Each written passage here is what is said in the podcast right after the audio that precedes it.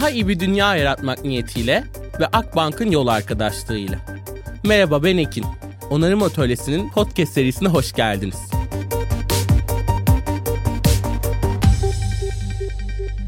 Herkese kocaman bir merhabalar. Onarım Atölyesi Podcast'in yeni bölümüne hoş geldiniz. Bugün sevgili Fulden Ergen'le birlikteyim. Ve evet gerçekten ona her mesaj attığımda da merhaba sevgili Fulden diye yazıyorum. Aslında bizim Fulden'le olan tanışıklığımız hepinizin de bu podcast serisine yakından bildiğiniz üzere sivil düşün sayesinde oldu.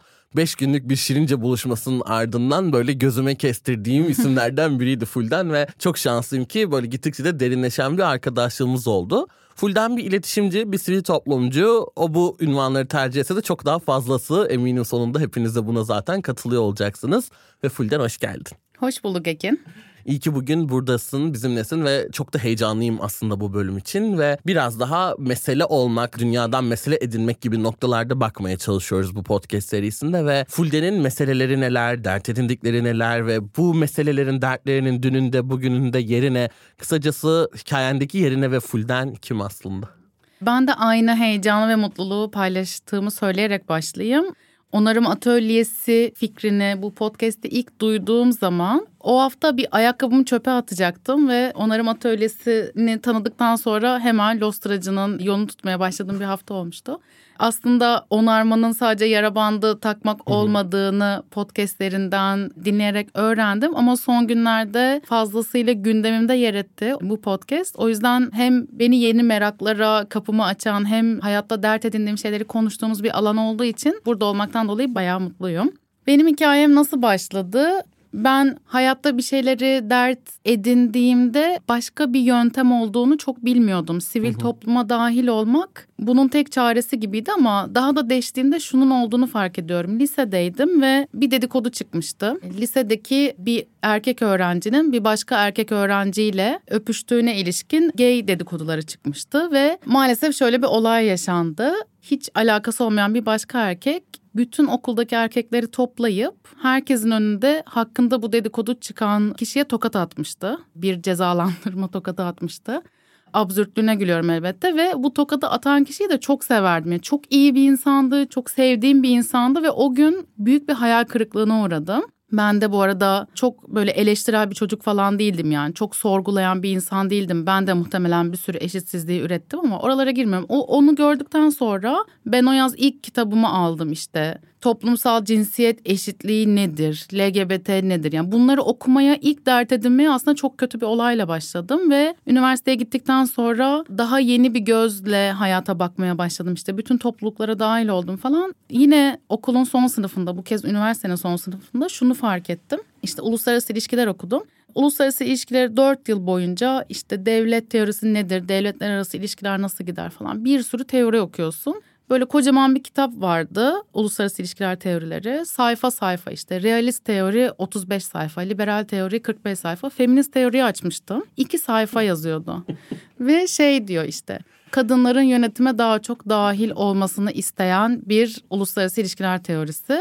Hani birazcık feminizmle tanışmıştım üniversitedeyken ama iki sayfa olmadığından eminim çok şaşırmıştım. Yani nasıl bu kadar çok şey söyleyen bir hareket, bu kadar çok şey söyleyen bir toplumsal hayata müdahale nasıl iki sayfada özetleni verir diye. O yüzden sivil toplumdan başka çok da bir alan düşünmedim yani. Beni bu hayatta yaşadığım farkındalıklar mı diyeyim, uyanışlar mı? Bu küçücük alanlara hapsedilen hak mücadelesini yani bu kadar az yer verilmesi mi diyeyim beni böyle sanki daha önce bunu planlamışım gibi ayaklarım sivil topluma götürdü. İlk işimden bu yana hatta işimden ilk profesyonel işimden de öncesinde gönüllü olarak işte 10 küsür yıldır sivil toplumun şu ya da bu yerindeyim. Zaman içinde rollerim değişti ama hep yolumu kesen şey iletişim oldu. Bir sivil toplum kuruluşu bir şey söylemek istediğinde bunu nasıl söyler? Hangi mecraları kullanır? Böyle başlayan iletişim ve sivil toplum kesişimindeki yolculuğumda işte geçen sene seninle karşılaşana kadar devam etti. Şu anda hem farklı farklı sivil toplum kuruluşlarıyla birlikte çalışıyorum. Hem başka toplulukların ben parçasıyım. Yazıyorum, çiziyorum, ediyorum. Böyle bir yere getirdi beni kendi hikayem. İyi ki de öyle oldu ve o hikayelerden aslında biz de böyle seni daha da iyi tanımış olduk. Burada bir şekliyle bir hak aramayla doğması bence hikayelerin çok özel noktalarından biri oluyor. Çünkü hepimizin böyle aha noktası olmak zorunda değil. Senin olmuş ama o bir yerden doğan mesele edinme hepimizi iyi bir başlangıç veriyor. Çünkü ben de çok küçükken lise ilk başladığımda bir CEO olmak istiyordum. Böyle bir şeylerin tepesinde oturayım. ben de ben de.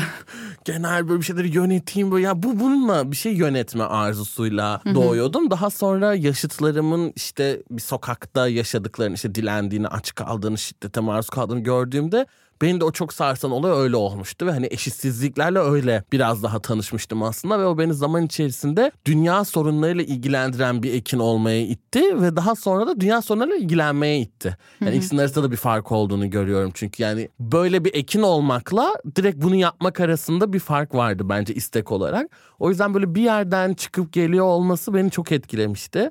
Ve biraz daha sana şeyi de sormak istiyorum. Yani neden sivil toplum? Sivil toplum doğuşundan bu yana aslında bir eksiklik, bir mesele üzerine var olan bir yapı. Ve bu yapının hani tarihsel gelişiminde sen neler görüyorsun ve belki de daha kritik bir noktadan bugünün de geleceğinde ne var sence sivil toplumun? Ya benim sivil toplumla yolumun kesişmesi çok doğal bir şekilde oldu. Yani ben bunu tasarlayarak hani ben sivil toplumcu olayım gibi bir tasarıya sahip değildim. Çünkü zaten o kadar genç yaşta yani benim o yaşlarımda karşımda böyle bir seçenek çok fazla sunulmuyordu. Sivil toplum bir yol olabilir. İşte bir şirkette çalışmak zorunda değilsin, diplomat olmak zorunda değilsin. Böyle de bir alan var diyen çok bir yönlendirme yoktu. Dolayısıyla kendi kendime bu yolu buldum ama herhalde bir şeyleri dert edinmeye başladıkça dur bir dakika ya burada bir eşitsizlik var. Burada bir şey var dedikçe insanın yolu sivil topluma kesişiyor. Aslında sivil toplum yüzyıllardır var olduğu söylense de bugün anladığımız itibariyle sivil toplum birazcık daha devletin sosyal hayattan elini eteğini çekmeye başladığı birazcık daha ülkeyi şirket gibi yönetmeye başladığı özellikle 80'lerden sonrasında çok palazlanıyor. Bir yandan da sendikal hareketlerin etkisinin azalmasıyla bu boşluğu sivil toplum doldurmaya başlıyor ve Türkiye'deki sivil toplum hareketinin diyeyim, sivil toplumun ortaya çıkışındaki en önemli unsurlar aslında insan hakları hareketi. Dolayısıyla bir hak mücadelesiyle, bir hareketle iç içe geliyor sivil toplum ama şu anda böyle tek bir şekilde tanımlayamayacağımız kadar büyük, çeşitli, hem bu hak alanı ile ilgili dur ben böyle bir çözüm ürettim. diyen hem sen neler konuşuyorsun gel bunu birlikte konuşalım. deyip işbirliği geliştirmeye çalışan aslında yani sadece toplumsal muhalefet de demek yetmez belki ama bir toplumsal güç bir denge denetleme mekanizması esasında sivil toplum. Hatta öyle de kabul ediliyor böyle. Daha Amerikan denge denetleme sisteminde işte medya ile birlikte bir güçler ayrılığının bir unsuru olarak kabul ediliyor sivil toplum.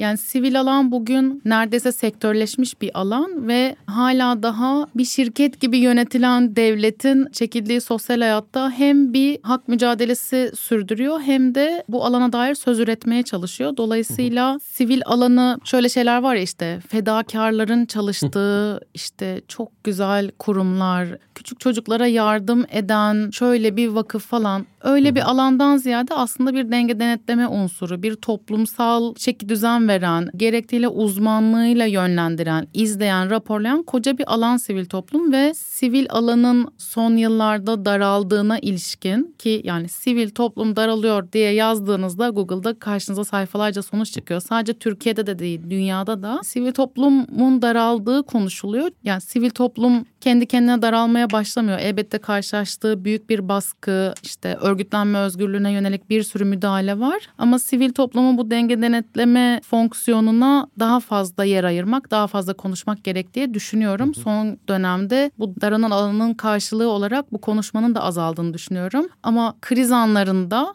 6 Şubat depreminden sonra gördük. Kriz anlarında yine toplumun gözü sivil topluma dönüyor. Çünkü sivil toplumun sahip olduğu deneyim, uzmanlık da başka yerde biriktirilmiyor. O yüzden hem zor dönemler öncesinde gittikçe daralan, sıkışan, zorluk yaşayan bir alan hem de zor dönemlerde ilk yüzümüzü döndüğümüz ya ben bir şey yapmak istiyorum nereye bağış yapayım diye canhıraş aradığımız bir alan sivil toplum. Çok teşekkürler. Özellikle şey çok kıymetliydi yani işte sana yardım getiren o yer yani biraz da filantropist bakış açısından çıkıp hakikaten toplumda bir hak üzerine bir yer tutan, denetleyen ve gözeten, uzmanlığını ortaya koyan bir yapı olarak görmek çok daha kıymetli.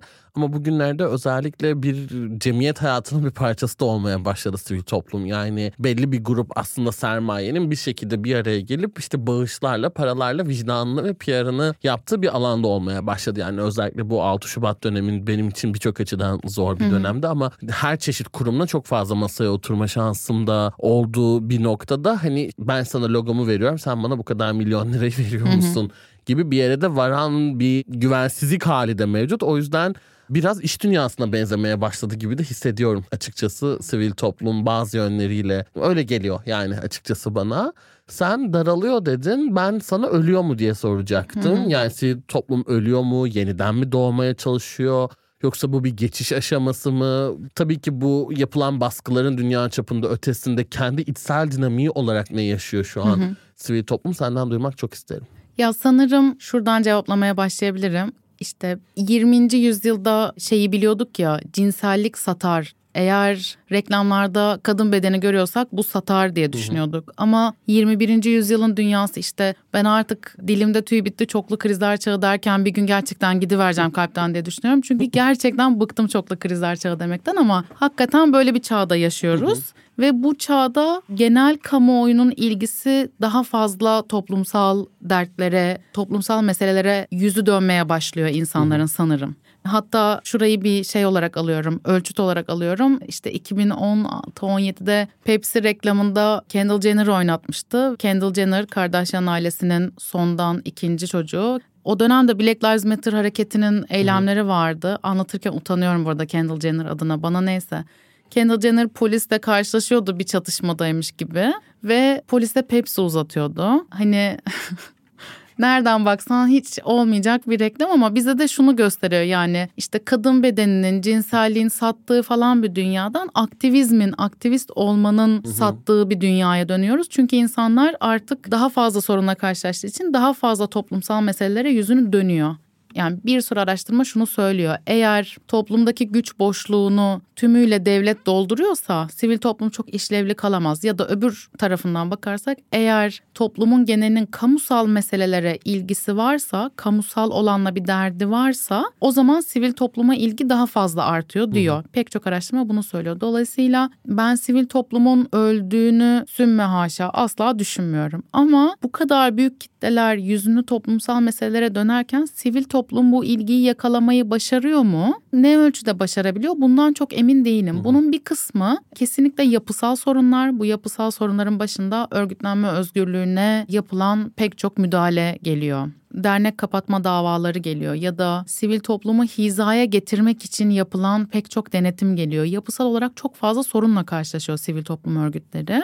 Ama öte yandan şöyle bir şey olduğunu da düşünüyorum. Dedin ya sivil toplum kendi elitini üretti diye yani Hı-hı. bu minvalde bir şey söyledin. Sivil toplum kuruluşları sanırım pek çoğu kendi kurumsal hedeflerine o kadar fazla odaklanmakta ki hangi meseleye dair bir şey yaptıkları birazcık kaçmaya başladı sanırım. Yani o kurumun işte 3 yıllık hedefini gözetmekten o meselenin geldiği durumu konuşmak, tartışmak en azından eskisi kadar öncelikli değil gibi gözlemliyorum pek çok kurum içinde. Mesela geçtiğimiz günlerde 26 Ekim akşamıydı sanırım Aydın'da bir KYK yurdunda asansör halatlarına yeterli bakım yapılmadığı için göz göre göre gayet de bu uyarılar yapıldığı halde Zeren isimli çok genç bir kadın öldü, öldürüldü de denebilir. Hatta dün Ordu'da bir başka KYK yurdunda benzer bir şey olmuş. Asansörde sıkıntı çıkmış. Şimdi gençlik alanında çalışan bir kurum çok azından bir açıklama gördüm. Gençlerin eğer meselesi yaşadıkları yurtlarda hayatta kalmaya kadar geldiyse bu alanda çalışanlardan hiçbir söz duymuyorsa o genç o zaman neden sivil topluma yönlensin? Bu meseleyi dert edene yönlenir. O yüzden sivil alanın ölmekte olduğunu düşünmüyorum ama kesinlikle var olmak için ve toplumsal olarak bir şey inşa edecekse haktan yana bir dönüşüm geçirmesi gerektiğini düşünüyorum. Böyle. Çok teşekkürler Fulden. Hakikaten böyle hepsinden sonra bir durup düşünme ihtiyacı da hissediyorum hakikaten. Özellikle sivil toplumu körelmesinde belki yetenek olarak da bir eksiklik olduğunu da düşünebiliriz. Yani yeteneğin tercih etme durumuyla ilgili. Ha kim neden yetenek o da ayrı bir eşitsizliğin sonucu tabii ki hani o, orayı da katmıyorum ama altın yaldızlı bir tepside de sunulmadığı bir kariyer olarak açıkçası çok ortada sivil toplumunda. Özellikle şeyi de sormak istiyorum sana yani bugün sivil toplum herkes için mi? Yani çünkü ikinci bir kariyer olarak şey görüyoruz yani özel sektörde birileri yanına alıyor bir uğraş gibi ve bir sivil toplumcu kariyeri de ediniyor. Bu arada bunu her zaman kötü bir yerden söylemiyorum ama hani yana alınabilecek bir şey mi yoksa bir kariyer olarak bunu nasıl değerlendirebiliriz? Sivil toplumu herkese hitap edebiliyor mu sivil toplum? Özellikle yerel ve küresel ölçekte bu kariyer meselesi olarak sivil topluma nasıl bakıyorsun? Ben sivil topluma ilk adım atmadan önce de bir kariyer seçeneği olarak önümde değildi sivil toplum. Şu anda o kadarının bile kaldığını düşünmüyorum pek çok sebepten. Yani birincisi maddi sebepler diyebilirim. Hı hı. Yani şu anda içinde yaşadığımız ekonomik krizde bir de öyle bir çağda yaşıyoruz ki ekonomik kriz yaşıyor muyuz onu bile söyleyemiyoruz. Evet. Yani eskiden Avusturya veliahtı vurulduğu için savaş başlamıştı. Biliyorduk o savaş başlamıştı bitmişti. Şu an veliahtlar yaşıyor aramızda o yüzden savaşın içinde içinde miyiz çok anlamlandıramıyoruz ya da yazar kasa fırlatılmıyor. Fırlatılırsa dezenformasyonla geri çevriliyor ama bir ekonomik krizin içindeyiz ve bu ekonomik kriz içinde maalesef en kolay vazgeçilebilen şey ya da en kolay kontrol edilebilecek alanlardan bir tanesi olarak sivil toplum öne çıkıyor. Senin dediğin gibi işte ben şu kadar para vereyim, logom şurada yer alsın, ne olsun ben deprem için bir şey yapmış olayım sadece özel sektörün de değil yani sivil toplum sanki sadece bir uygulayıcı, hayata dair bir şey söylemeyen, bir şeyleri hayata geçiren ve bunu da hani hatır gönül için yani bunu zaten onlar iyi insanlar işte. Onlar zaten bizim meleklerimiz zaten yapmalar ve az paraya yapıversinler. O kadar sivil alan kendi başına hani bir 10 yıl önce özgül ağırlık denirdi buna ana akım medyada. O kadar özgül ağırlığı ciddi alınmayan tavırlarla karşılaşılıyor ki bir kariyer olmaktan çok uzakta bir yandan da sivil toplumda çok fazla çalışıyor insanlar ve özel sektördeki bir akranından çok daha az kazanıyor. Özel sektördeki akranı prim alıyor, bir şey yapıyor, bir şey yapıyor derken insanlar doğal olarak artık para kazanamadıkları yani hele ki bu şartlarda adil bir ücret alamadıkları için insanlar başka yerlere gitmeyi düşünüyorlar. O yüzden bir kariyer olabilmesi için sivil alanın sivil alandaki koşulların çok radikal bir şekilde değişmesi gerektiğini düşünüyorum. Belki bu anlamda herkes için değil diyebilirim ama şu anlamda herkes için olmasını dilerim. Yani sivil toplum savunuculuğunu yaptığı değerler kadar katılımcı, şeffaf, işte kapsayıcı olamayabiliyor her zaman ve bunları talep edenler dışarıdan gelmeyecek. Sivil toplumun içinden gelecek. Tıpkı özel sektörde istediğimiz dönüşümün sadece dışarıdan gelmeyeceği gibi bu dönüşüm için hiç sakınmadan sözünü söyleyen pek çok insan olduğu için umut var olmaya ve gelecek için nasıl bir kariyer olur ya da sadece kariyer değil nasıl bir uğraş olur. Çünkü sadece kariyer diye bakmak da sanırım kesmez adil bir koşulun sağlanması gerektiği kadar bir derdinin de olması gerek. Bu derdi olanın sadece sivil toplumda olabilir. Ne kadar işte yüce bir kattır demiyorum ama sanırım o uğraşa dair inanç, o şevk olmadan da biraz zor bir alan başkalarına göre diyebilirim. Dolayısıyla kariyer olması kadar bir uğraş alanı olmasını da dilerim. Çok teşekkür ederim yine Fulden. Hakikaten burada hani gördüğümüz noktalardan bir tanesi belki de sivil toplumu hani o yanımda katıyorum hadi bunu da yapayım değil ama yaptığımız şeylerin beraberinde yaşatabilmemizin şeklinin değişmesi gerektiğiyle ilgili. Yani başka bir şey yapıyor olabiliriz. Bu demek değildir ki sivil toplumda olamayacağız ya da sivil toplumun bir parçası değiliz ama onunla ilişki kurma biçimimizi bir değerlendirip daha hak temel, daha mesele odaklı bir yerden yapmak sanırım çok daha iyi olacak. Peki bugün yani sivil toplumda da ben tabii biraz daha dışarıdan gözlemliyorum ama sivil toplumun da kendi içinde kutuplaştığını hissetmeye başladığım bir noktadayım ve burada daha kapsayıcı bir sivil toplumu nasıl yaratabiliriz ve buna ek olarak sivil toplumun kendini dışındakiler için de daha kapsayıcı bir iklim hazırlaması için neler yapabiliriz? Yani özellikle sivil toplum hem bu konuda kendini nasıl dönüştürebilir hem de diğer alanları nasıl dönüştürebilir? Ya herhalde sadece kutuplaştıran bir iklimde değil aynı zamanda daha sinirli, daha öfkeli, daha güvensiz, daha içimize kapandığımız... Hı hı. Çünkü dışarısı o kadar büyük tehditlerle, o kadar büyük krizlerle dolu ki, o kadar büyük nefretle dolu ki ister istemez kendi bildiğimiz yere yöneliyoruz. kendi içimize kapanıyoruz. Ben dışarıda o nefret dolu dünyada ödeyeceğim bedel artmaya başladıkça ben o bedeli ödemekten elbette vazgeçiyorum. Yani çok daha içimize kapandığımız bir dönemdeyiz bence genel olarak ve sivil toplum da toplumun pek çok farklı kesimde olduğu gibi bundan etkileniyor. Bu tezahür ediyor sivil topluma. Ama bu tezahür kadar can sıkıcı başka bir şey var zannediyorum. O da kendi kurumlarımızın hedeflerine çok odaklanmak. Yani kendi kurumlarımız işte belirlediği 3-5 hedefi hayata geçirdi mi? Sadece bunlara odaklanmak. O içe kapanmayı bir yandan doğal olan ya da neden sonuç ilişkisiyle çok bariz bir şekilde sebebi görülebilecek olan kapanma bir yandan da çok daha profesyonelleşen, çok daha kurumunun selametini düşünen bir yere gidiyor. Mesela pek çok bağış kampanyası oluyor ve sivil alana yapılan bağışlar hala daha yeterli değil. Çünkü devlet katkısı yeterli değil. İşte sadece proje fon olunca bu sefer o fon verenin kurallarına uymak durumunda kalıyorsunuz. Belki bir şeylerden feragat etmek zorunda kalıyorsunuz. Kurumsal destekleyen çok az. Dolayısıyla bireysel bağışçılığın artması gerekiyor demokratik bir sivil toplum için. Ama şunu da çok sık görüyorum işte bağış kampanyalarında diyelim bağış toplanacak şey için toplanıyor. X kurumu için bağış yap. Y kurumunun bilmem nesi için bağış yap. Tabii ki o parayı nereye verdiğimizi açıklasın kurum ama ben X kurumuna değil o X kurumunun dert edindiği şey için aslında bağış yapıyorum ya. Bu dönüşüm nasıl olur sivil toplumun içinde? Nasıl sivil toplum sadece kendi kurumunun hedeflerine değil kendi meselesine odaklanır? Birazcık da bu savunuculukla ilgili sanırım. Yani daha geçen STGM ve TÜSEV birlikte bir rapor yayınladılar. Örgütlenme özgürlüğüne ilişkin bir araştırmayı.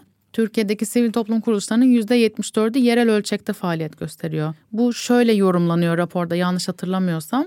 Yani sadece STK'ların, STÖ'lerin %25'i ulusal ölçekte etki eden meselelere dair bir şey yapıyor, söylüyor demek. Faaliyet alanından ayrı olarak dert edindiği şey ama yani biz yerelde bir şey yapsak bile bu hangi hak alanıyla ilgili buna dair bir şey yapmadıkça bir dönüşüm olması çok zor. Dolayısıyla bu kadar bireyselleşen, bu kadar kurumsallaşan, bu kadar profesyonelleşen, tırnak işareti yapıyorum şu an. Bu kadar profesyonelleşen bir sivil toplumun kapsayıcı olması çok mümkün gibi gelmiyor bana. Bunun yolunun daha büyük hak alanlarında birbirini gören, birbiriyle dayanışan bir şey ortaya çıkarsa mümkün olur gibi geliyor. Bu da kutuplaşmaya karşı ya da nefret siyasetine karşı açıktan pozisyon alabilmekten geçiyor. Böyle. Daha iyi bir dünya yaratmak niyetiyle ve Akbank'ın yol arkadaşlığıyla onarım atölyesine kaldığımız yerden devam ediyoruz aslında birbirimizle kurduğumuz yani bu özellikle toplulukları da bu kadar konuştuğumuzda, ağ yapılarını bu kadar konuştuğumuzda sivil toplumun meseleleriyle ve dışarıdakilerle aslında konuştuğu kadar kendi içine de konuşması gerekiyor gibi algılıyorum bu noktada. Çünkü burada da temelinde bu eksikliğine, içine kapanmanın belli sebepler dolayısıyla olmakla birlikte biraz daha o hamle alamamanın da getirdiği bir sonuç olduğunu da burada görüyoruz ve içimize kapanmayla beraber bende direkt şey de canlanıyor. Yani senin de uzmanlık alanlarından biri olduğu için iletişim meselesi yani kocaman bir başlık hayatımızın her noktasında özellikle sivil toplum içinde çok çok kritik bir yerde duruyor. Ve özellikle iletişim dediğimiz şey yani bu çoklu krizleri bu kadar bahsettiğimiz noktada kilit bir yerde duruyor. Çünkü birçok sebeple diyalog eksikliklerinden doğru iletişim eksikliklerinden de ben birçok sorunun çözülemediğine inanıyorum.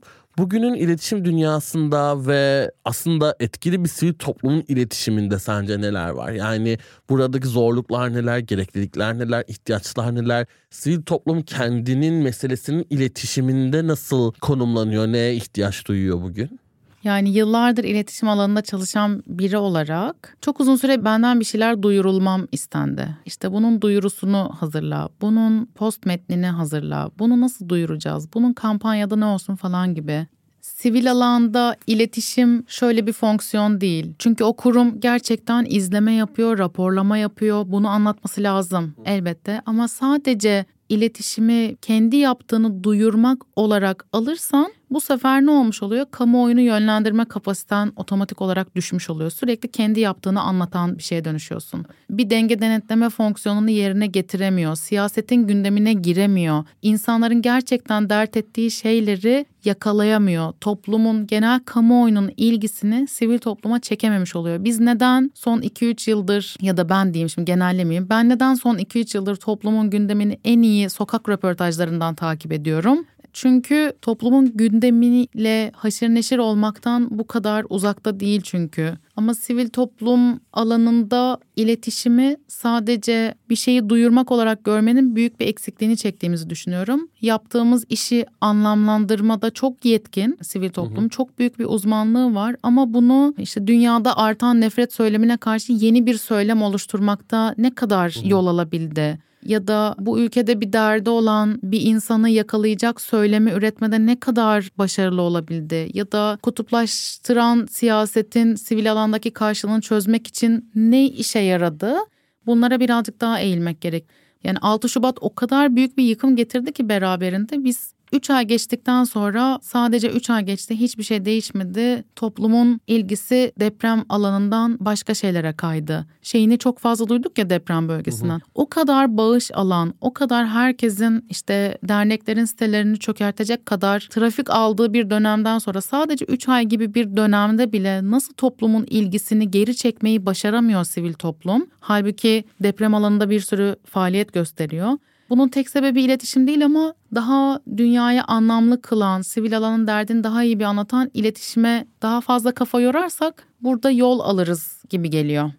Burada sanırım belki şeyi de direkt yani söyleyebiliriz. Sivil toplum iletişim yani ileti yapmaya başladı. Hı hı. Yani hani orada karşılıklı bir iletişim değil de bir meselesini iletiyor, duyuru yapıyor sadece ve sanırım bu çağımızda temel bir problem. Yani iletişim yapmakla ileti yapmak arasında yani o şey ve işteşlik halini çok kaybettiğimiz bir noktadayız açıkçası. Bu bence çok kıymetli. Çünkü iletişim dediğimiz şey karşı taraftan da senin duyduğun ve aldığın şeylerin de çok olması, mümkünse eşit miktarda olması ilgili bir şey. Ve hani sadece sivil toplum değil bugünlerde iletişimciler iletişimi ileti olarak da biraz ele almaya başladılar. Ve tam burada şeyi de sana sormak istiyorum. Yani bu iletiyi ya da daha iyi söz söylemek ya da daha genç kitlere ulaşmaya çalışmak sivil toplum için elzem mi? Yani kalabalığa mı konuşmak mıdır asıl olan? ve devasa kitlelere ulaşmak bir başarı göstergesi mi sivil toplum için ya da olmalı mı? Hı hı. Yani kalabalığa ulaşmayı hedefliyorsan kalabalığa ulaşmak gerek. Hedeflemiyorsan hı hı. yani illa çok büyük kalabalıklara ulaşmak gerektiğini düşünmüyorum. Hı hı bunu bu kadar nicel, bu kadar sayısal bir şeyden ölçebileceğimizi de düşünmüyorum. Çünkü toplumsal değişim dediğimiz şeyin, dönüşüm dediğimiz şeyin sayılarla çok ilişkisi olmadığını biliyoruz. Yani geçtiğimiz yaz Akbelen savunması bir köydeki yıllardır direnen bir topluluğun sonucuydu. Akbelen'de milyonlarca insan yaşamıyor ama milyonlarca insanı Akbelen'e getirtebildi oradaki o direnen topluluk. Dolayısıyla illa böyle çok büyük sayılara ulaşması gerektiğini düşünmüyorum. Fakat sivil toplumun işte maalesef mültecileri otobüslere doldurup evine göndereceğiz falan diyen bir söylem bu kadar karşılık bulurken sivil alan kendi anlatısını insanların zaten ilgisi olduğunu zannettiğim bir çağda zaten toplumsal meselelere yüzleri dönükken insanların o yüzü sivil topluma çekecek yeni bir anlatı kurabilmesi lazım. Yeni anlatı derken ne kastediyorum? İşte keşke her çoklu krizler çağı dediğimizde bir yere bir para koysaydık şu an daha zengin ayrılıyorduk ama çoklu krizler çağında daha adil, daha eşit bir dünyaya dair bir şey söyleyemiyorsan zaten insanlar korku siyasetine, nefret siyasetine kapılıp gidiyorlar. Çünkü korku da çok tanıdık bir duygu. Yani sen gidip hakkını şuradan talep etmelisin demek yerine sen senin gibi birinden sana benzeyen birinden nefret etmelisin demek çok daha kolay. Nefret etmek çok daha kolay. Korku hı hı. siyasetine kapılmak çok daha kolay. Çünkü içimizde taşıdığımız hisler. Ben de tabii ki bu korku dilinin, nefret dilinin esiri olduğum elbette ki oluyor. İnsanım, etkileniyorum ama bunun karşısında daha anlamlı bir gelecek ya da daha anlamlı bir bugün, daha dayanışmacı bir toplum, daha hakkın hukukun tesis edildiği, daha adil bir dünyaya dair hiçbir şey söyleyemez hale geliyoruz. O yüzden iletişim meselesini sivil toplum yeniden düşünmeli diye düşünüyorum. Bunu düşünürken de yaşanabilir bir dünya anlatısı kurmak için iletişimi yeniden düşünmek gerektiği düşünüyorum. O yüzden zaman zaman çok kişiye ulaşmak olabilir bunun çözümü. Mesela 2020'deydi sanırım Pınar Gültekin Muğla'da katledildiği zaman çok büyük bir kamuoyu yaratıldı. Hatta Instagram'da fotoğrafımızı siyah beyaz paylaştık işte üç kişiyi etiketledik falan. Mesela o dönem dünyanın işte A-list celebrity denir yani en yüksek kademedeki ünlülerine kadar Instagram postu paylaştıran ve çok büyük bir meseleye görünürlük sağlayan bir şey de çıktı sivil alandan. Aslında sadece sivil alan diye de böyle ayrıksı konuşturmamak lazım. Sivil toplum göbeğinden toplumsal hareketlere bağlı toplumsal hareketleriyle bağı kesildiği zaman bu sefer derdi olan birkaç kurumdan ibaret kalıyor. Aslında sivil alan çok daha geniş bir şey. Ama şunu söylemek istiyorum. O dönem milyonlarca insan bunu paylaştı. Sivil toplum bu gücü yaratabildi. Bu söylemi yaratabildi ve bir şey dikkat çekti. Ama gün olur sadece 10 kişiyi bir araya getirip anlamlı bir tartışma başlatmak, daha düşünsel bir şeyler konuşmak. Yani bazen de proje haline geldiğimizi düşünüyorum bu çağda. Yani ben de ara ara sorguluyorum. Fulden sen bir proje misin acaba? Senin hayatın bir projeye mi döndü diye sorguluyorum. O kadar fazla çıktıya odaklanıyoruz ki belki düşünsel bir faaliyet, düşünsel bir tartışma alanı yaratmak da olabilir 10 kişiyle. Ama bunun bağlandığı yer daha yaşanabilir bir dünya neye benziyor bunu kurmak için olmalı diye düşünüyorum. Özellikle buradaki o iletişimin, medyanın gücünü kesinlikle küçümsememek ve kabul etmekle birlikte yine de benim korktuğum noktalardan biri popüler olanı oynama gayreti. Hı hı. Yani algoritmanın popülerliği de olabilir. Hani algoritmanın senin üstüne kurduğu bir baskı da olabilir. İşte az sürede kısa ve hareketli anlattan aslında tut da başka bir toplumun istediğini vermeye kadar. Ve burada da açıkçası biraz popüler olana eğilimin arttığı ve nitelikli bilgiye erişimin önemini getirdiği bir dünyada gerçek hak temelli savunuculuğun bir yeri kaldı mı bu beni korkutuyor. Çünkü hı hı çok fazla takip sayısında oynuyoruz. Bununla övünüyoruz. İşte ana akımın getirdiklerine bir miktarda olsa uymak gerekiyor o çok takipçiyi elde etmek için. Bu versiyonda bunu yaparak acaba artık gerçeğin özünü bir şeyin özünü koruma mümkün mü bunu bilmiyorum. Çünkü işte sürdürülebilirlik sürdürülebilirlik denen bir dünyada ana akım bunu işte kalkınma hedefleri ele alıyorken hayır bu bundan çok daha fazlası bu değil diye ana akımın tersi bir şey söylemenin hakiki savunuculuk olduğunu bildiğimiz bir dünyada çok büyük bir akıntıya karşı da ters kürek çekmekte demek. O yüzden hani içinde bulunduğumuz bu süreçte mümkün mü ki acaba ana akımlaşmadan, popülerleşmeden de kendi sözünü, fikrini söyleyebilmek? Bu sivil toplum için bir risk yaratıyor gibi de hı hı. hissediyorum çünkü ben. Bu soruya tek cevabım var. Ben de bilmiyorum. Ben de Hı-hı. korkuyorum bir iletişimci olarak. Ya nasıl yapsak işte TikTok çok popüler oldu oraya mı girsek? O kadar Hı-hı. hızlı değişiyor ki ister istemez insan kendisini kaptırıyor. Hangi aracı kullanalım, hangi şey yapalım? Sanırım burada bana hatırlatıcı olan birkaç tane şey var. Hı-hı. Birincisi işte teknoloji toplumları nasıl etkiler? Bu çok eski bir hı hı. tartışma, felsefenin çok eski bir tartışması ama iletişim teknolojileri bağlamında son dönemde çok daha fazla tartışılıyor. Zira iletişim teknolojisinin hayatı değiştirme hızı çok daha arttı. Kabaca üç tane kamp var. Bir tane kamp diyor ki tekno pesimistler işte teknoloji toplumları olumsuz etkiledi. İşte şirketlerin algoritmalarına yeniliyoruz. O algoritmaların nasıl çalıştığı belli değil. Şirketler aslında ideolojik aygıtlar bizim zihnimizi dönüştürüyor. Biz şirketlerin oyuncu oyuncağı haline geliyoruz. Yani bir karamsar bir ekip var. Bir tekno optimistler var. İşte teknolojinin toplumları olumlu etkilediğine daha çok odaklanan. Özellikle 90'lı yıllarda 2000'lerin başında daha baskın olan bir söylem bu. İşte sosyal medya herkese kendi sözünü söyleme hakkı verdi Dolayısıyla daha demokratik bir toplumda yaşıyoruz. Çünkü daha fazla insan meselesini söylüyor. Bunun için bir editöre, bir gazetenin genel yayın yönetmene, bir televizyona ihtiyacı yok. Toplumsal hareketlilik arttı diyen bir kamp var. Bir de bunların ikisinin ortasında teknolojik determinizm eleştirisi diye anılan yani teknoloji dışarıda bir güçtür. Toplumları dışarıdan etkiler. Şu ya da bu şekilde dizayn eder değil. Teknoloji de toplumun içinden çıkar toplum da teknolojiyle şekillenir. Böyle karşılıklı bir dönüşüm sürecindedir.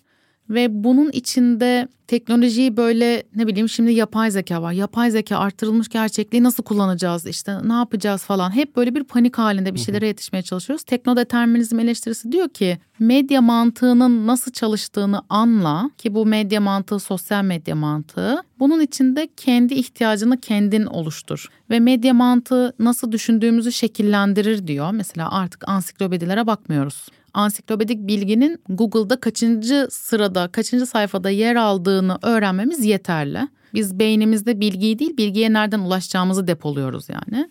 Nasıl düşündüğümüzü şekillendirir, bilgiye nasıl ulaştığımızı şekillendirir diyor. Bir de şöyle bir şey diyor. Medya mantığı tektir ama her mecrada farklı izi vardır. Yani her mecranın kendine has bir mantığı vardır ama totalinde sosyal medya mantığı dediğimiz şey değişmez diyor. Ya da bu platformların mantığıyla birlikte değişir diyor. Dolayısıyla hem bu özellikle sosyal medyanın işte dezenformasyona, popülizme ne kadar alan açtığı konuşulurken bu değişimi izleyin ama diyor kendi sözünüzü söylemek için kendi yolunuzu kendiniz oluşturun ya da hangi teknolojiyi alırsak en çok yere gidebiliriz paniğine kapılmayın diyor. Ben bunu kendime hatırlatmaya çalışıyorum.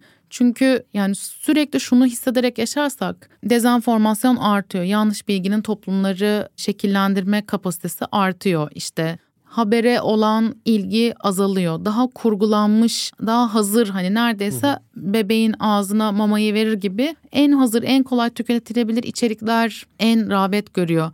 Bu anlatı bizi şeye götürüyor ya ileride daha da kötü olacak, daha da kötü olacak, daha da kötü olacak. O zaman daha hızlı yapayım, daha hızlı yapayım, daha hızlı yapayım. O zaman neyi neden yaptığını birazcık kaçırma ihtimali var. Demek istiyorum ki medya mantığını anlayıp o değişimi dönüşümü yakından nabız takip eder gibi takip etmek lazım ama kendi anlatını nasıl oluşturacağın konusunda o kadar bu paniğe teslim olmamak lazım gibi geliyor. O zaman çünkü böyle lineer bir şekilde ilerleyeceğini varsayıyoruz hayatın ve toplumun. Mesela 10 yıl önce şeydi ne kadar kısa içerik o kadar iyi. Artık YouTube kanallarında uzun içeriklerden bahsedebiliyoruz ya da TikTok hayatımıza girdi gireli böyle daha büyük büyük kurumların gayet gayri ciddi iletişimler yaptığını görüyoruz. Hiç yakış hani nasıl yapar bunu diyeceğimiz şeyler. Dolayısıyla biz de bir dönüşüm içindeyiz ama burada teknolojinin bizi kurtaracağı ya da batıracağı bu ikilikte görmemek lazım gibi geliyor. Bu sanırım hayattaki birçok konuya da bakarken o net siyah ve beyazı çizmeden önce biraz daha bizim onunla kurduğumuz o ilişkiye de odaklanmakla ilgili bir şey. Özellikle teknoloji, medya, iletişim artık giden bir noktada belki de şeyi sadece kabullenmek gerekiyor. Yani öncesine hiç benzemeyen bir yere gidiyoruz. Hı hı. Hakikaten yapısal bir değişimi gidiyoruz. Web 3 dediğimiz bir dünya geliyor ve merkezsiz yapılardan bahsediyoruz. İşte eskiden bir gazetede yazmak gerekirken şimdi YouTube'unuzda bireysel Instagram hesabınızda çok daha kişi birey tekil olarak ulaşabiliyorsunuz ve güç odakları da ortadan kalkıyor. Dünya çok bir eşikte duruyor. İletişim dünyası da bence o yüzden bir eşikte duruyor ve özellikle mesele odaklı iletişim çok daha ayrı bir yerde duruyor. Çünkü bağımsızlaşırken kendi istediğin sözü, doğru sözü söyleme gücünü de nereden alacağın bir maddi güç olabilir, bir başka bir güç olabilir. Bu da gittikçe karmaşıklaşan bir yere gidiyor. O yüzden bol soru işareti var şu an. Ben aklımda. burada bir şey ekleyebilir Tabii miyim? Ki. Hani dedin ya Web 2'den Web 3'e geçiyoruz işte çok daha büyük bir değişim. Ben emin değilim böyle olduğundan. Hı-hı. Çünkü ilk internet çıktığında benim beynim yandı. Ne web Hı-hı. sitesimi şeyi aramıştım. Yani adımı girip aramıştım. Adıma web sitesi oluşturulacağını düşünüyordum. Ya yani o zaman da çok büyük bir değişimin Hı-hı. içindeydik ya da ne bileyim her zaman büyük değişimler geçiriyoruz aslında. Şu an çok daha yoğunlaştırılmış, hızlandırılmış bir şey yaşıyoruz. Burada biraz önce tarif etmeye çalıştığım şey şuydu. Yani burada sadece bu araçlar bizi nereden nereye götürecek diye bakarsak ne anlattığımızı, ne anlatmak istediğimizi biraz es geçiyoruz gibi geliyor. O yüzden sadece bu teknoloji bizi kurtarır mı ya da bu teknolojinin mağduru olur muyuz? Hangi aracı kullanmamız lazım? Bu araca da mı girsek? Hani çok böyle araç araç araç işte oraya da mı Telegram'da mı açsak bilmem Clubhouse'da mı açsak bunları hep yaşadık ya hani özellikle pandemide. Bu kadar çok aracı, mecrayı tartışacağımız kadar neyi neden yaptığımızı ne söylemek istediğimizi, sivil alanın ne yaparsa kamuoyu oluşturma gücünü kazanabileceğini, yeşertebileceğini yani bunları daha çok düşünmek gerekiyor gibi geliyor. Bu kendime aldığım çok özel bir not oldu açıkçası. Tüm bu yapısal tartışmanın ya da nasıl yapacağımızın ötesinde neden ve neyi biraz daha konuşmak gerektiğini ben de böyle kendime not aldım. Çok çok teşekkür ediyorum Fulden. Ve benim her konumu en sonunda sorduğum bir soru var ve ben onu biraz daha form değiştirerek de sana sormak istiyorum. Ve son kez çoklu krizler çağı diyerek bir daha bu çoklu krizleri böyle tanımladığımızda hakikaten bu dönemde umutlu söz söylemek mümkün mü? Yoksa bu umutlu söz içinde bulunduğumuz gerçekliği pas geçmemizi, onu halı altı etmemizi mi sağlar? Ve bununla birlikte sence yine de umut var mı? O kadar zorlandığım bir soru ki içinde etik bir çatışma yaşıyorum. Çünkü bir yanım şunu düşünüyor ya millet bu kadar derdin içindeyken ne umudu hani ne yani insanlar bu kadar zorlukla karşılaşırken her gün yeni bir krizin içinde yaşadığımızın ayırdına varırken umutlu söz söylemenin nasıl bir karşılığı olur diye dürüstçesi düşünüyorum. Bunu düşünmediğimi söylemek olmaz yani. Hatta işte WhatsApp gruplarında söylüyor arkadaşlar gerçekten umutlu bir şey mi söylememiz gerekiyor? Nasıl söyleyeceğiz, nasıl yapacağız falan diye. Çünkü toksik pozitiflik denen şey aslında bir eleştiri sürekli umutlu bir dil kullanıp gerçekliği pas geçmeye dair bir eleştiri. Fakat bununla birlikte umudun bir sorumluluk olduğunu düşünüyorum. Hani umut sadece bir gün kapıyı açacağız ve artık o gün umutlu hissedeceğiz gibi bir şey. Yani keşke öyle olsa her kapıyı açardık ama maalesef öyle değil. Umut biraz inşa ettiğimiz bir şey. Daha önceki bölümde konun olan Kenan Hoca da benzer bir şey diyordu. Yani umutlu düşünmeyi inşa etmemiz gerekiyor. Ben de bunu bir sorumluluk olarak görüyorum. Nasıl bir dünyada yaşamak istediğime dair hiçbir şey söylemezsem, hiçbir şey anlatmazsam o zaman ne anlamı kaldı yani? Ne anlamı var benim nefes almamın, yaşamamın diye düşünüyorum. O yüzden umudu bir sorumluluk olarak da görüyorum. Aksi yani sürekli insanları korkutan, sürekli endişeye, kaygıya sevk eden bir dil belki harekete geçirebilir kısa vadede. İşte yani linçler de böyle örgütleniyor. İnsanlara bir şey yaptırabilir ama istediğimiz değişimi, dönüşümü sağlamaz. Dolayısıyla sadece harekete geçirmeye, insanları bir şey yaptırmaya odaklanmamalıyız. Umudu bir sorumluluk olarak görüp her yaptığımızda bunu nasıl inşa ederiz? Nasıl yeni bir anlatı kurabiliriz? Nasıl dünyada insanları yakalayan ya da insanların derdine evet seni anlıyorum ve gel bunun ötesini birlikte kurabilelim diyen bir davete nasıl dönüştürürüz? Bu sorumlulukla hareket etmek diye düşünüyorum. Kısacası tabii ki umut var çünkü bunu her şeye rağmen kuracak kudretimiz de var. Çok teşekkür ederim Fulden. O zaman biraz daha bunun sorumluluğunu üstlendiğimiz günlerde hep birlikte tekrar görüşmek üzere. İyi ki bugün bizimle birlikteydin. Ben de teşekkür ederim davetin için acaba çok mu konuşacağım, çok mu şey söyleyeceğim diye bir tedirginlikle geldim. Şimdi 3 saat daha keşke konuşsak diyorum. Çünkü böyle şeyleri konuşma alanlarımız çok da fazla olmuyor sanırım. Ben de kendi günlük hayatımda bu zihnimden geçenleri aktaracak yeri nadir bulabiliyorum. O yüzden çok keyifli oldu benim için. Teşekkürler ben davetine. çok teşekkür ederim. Daha iyi bir dünya yaratmak niyetiyle ve Akbank'ın yol arkadaşlığıyla iyilik ve dostlukla. Bir sonraki bölümde görüşmek üzere.